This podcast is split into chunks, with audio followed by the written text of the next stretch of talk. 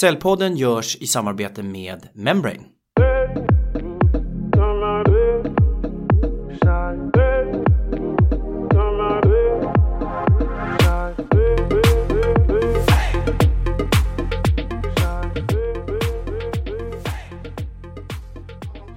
Hej och välkommen till Säljpodden, en podd för oss som gör affärer. Det här är ett specialavsnitt som spelas in i coronatider. Med mig idag så har jag Filip Gossi och Thomas Wessander och ska prata lite om hur de agerar i dessa tider. Kanske kan det här ge inspiration eller tips till någon av lyssnarna. Vi vet alla att alla har olika situationer, både emotionellt, fysiskt som ekonomiskt i den här situationen.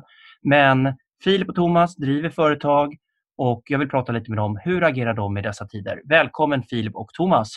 Tack! Tack! Vilken ära att få vara med i Sveriges bästa säljpodd. Tack så hemskt mycket. Stjärnsäljarpodden är inte dålig den heller. Hörni grabbar, hur, eh, hur går det för er? Hur känns det i dessa tider? Thomas? Ja, men uppvaknandet var ju på tisdagen i förra veckan när, när man kom hem och började inse allvaret i det här. Och Det har gått ungefär en vecka sedan dess. Och Några tydliga saker som har hänt är att vissa av våra kunder har det väldigt, väldigt tungt. Eh, våra kunder inom resebranschen, hotellbranschen och liknande eventbranschen. Eh, den andra stora är ju att vi har hamnat i någon form av vakuum där det är svårt att få köpbeslut. Det är svårt att ta saker framåt. Eh, vi själva har inte drabbats så hårt i form av inställda eh, liksom, kunder som har velat dra sig ur eller så. Utan jag skulle säga att primärt de här första två sakerna jag sa. Mm. Hur gör ni i det här läget när besluten drar ut på tiden? Hur agerar ni rent, liksom, eh, hur agerar ni? Jag tror att det handlar om, eh, vi brukar prata om eh, din, eh, vi har ju kapat din modell där Ken. Du, du har en modell som heter KAS. Vi har, vi har, kapat, vi har tagit, vi har tagit allt från Ken. Vi har tagit allt från dig Ken. Så vi har tagit den och, och döpt om den till KAP istället. Även om vi gillar din eh, KAS-modell så har vi döpt om den till KAP. Och det handlar ju om att eh, vara kreativ, eh, aktiv och eh, passionerad. Och den tror jag fortfarande håller eh, oavsett vilken tid det är. Men kanske ännu mer liksom aktivitetsmässigt nu. Att det är så otroligt viktigt att, eh, att, att ha en hög aktivitet och göra allting liksom, i cellprocessen lite bättre, eller mycket bättre än vad man annars... Alltså varje del i cellprocessen är så otroligt viktig just nu. Mm. Så jag tror att det handlar om att ha mycket aktivitet, mycket touchpoints, ligga otroligt nära eh, kunderna under liksom vakuumtiderna, så att säga. För att folk, skulle jag säga, är än mer tillgängliga nu än vad man är annars. Så är det. Mm. Jag, pratar med, med, eh, jag pratar med ett antal headhuntingbolag dagligen och de säger att kandidaterna är tillgängliga för samtal om inte annat. Eh, mm. Det är ju en konsekvens av den här situationen vi är i just nu. Verkligen. Hur har det drabbat er ekonomiskt? Har det hunnit göra det än? Nej, egentligen inte än. Det, det är no jo, jag har någon kund som har velat skjuta på starten på en, eh, liksom en transformationsutbildning som vi ska göra med dem. Mm. Men, eh, men liksom, den kommer ju, vi har ju fortfarande ett avtal, så den kommer fortfarande ske. Det är bara det att den kommer skjutas upp. Mm. Så att förseningar både av köpbeslut men också förseningar av leveranser, det är det som har påverkat ja. er främst så här långt? Ja, exakt. Men, men det är klart att vi hade ju ett antal köpbeslut där vi stod inför valet att köpa tjänster här i närtid som låg på bordet. Det kommer ju vi att behöva pausa också. Mm. Finns det något av de köpbesluten ni kommer att genomföra? Ni behöver inte ja, nämna vilket. Vi har ju betalat för att få vara med här. Ja, det kan man tro. Eh, det kan man tro. Exakt. Så det, det tog vi direkt bara. Det var ju bara det var ett enkelt beslut. Men, men sen har jag märkt att det var så dyrt ändå. Ja. Så här, så här, så här, på ett sätt, eh, förstå mig rätt här, men ursäkter finns alltid kopplat till säljarbete. Här är det bara, eller bara ska jag absolut inte säga, men ursäkten har blivit liksom hundra gånger mer än vad den någonsin har varit tidigare. Mm. Och Det blir än mer viktigt att fokusera på det man kan påverka. Mm. Och Jag har märkt stor skillnad de dagar jag har tittat på nyheterna och de dagar jag har tittat på nyheterna eller tittat på nyheterna en gång istället för att suttit med tvn på i bakgrunden. Berätta.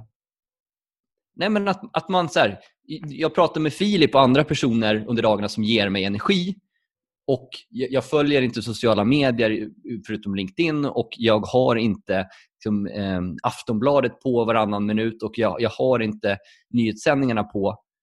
Utan jag vill vara i positiva sammanhang. Mm. Jag märkt en stor skillnad beroende på om jag har, har hållit det här en dag eller inte har hållit det. Så två råd rent konkret. Försök att befinna er i positiva sammanhang.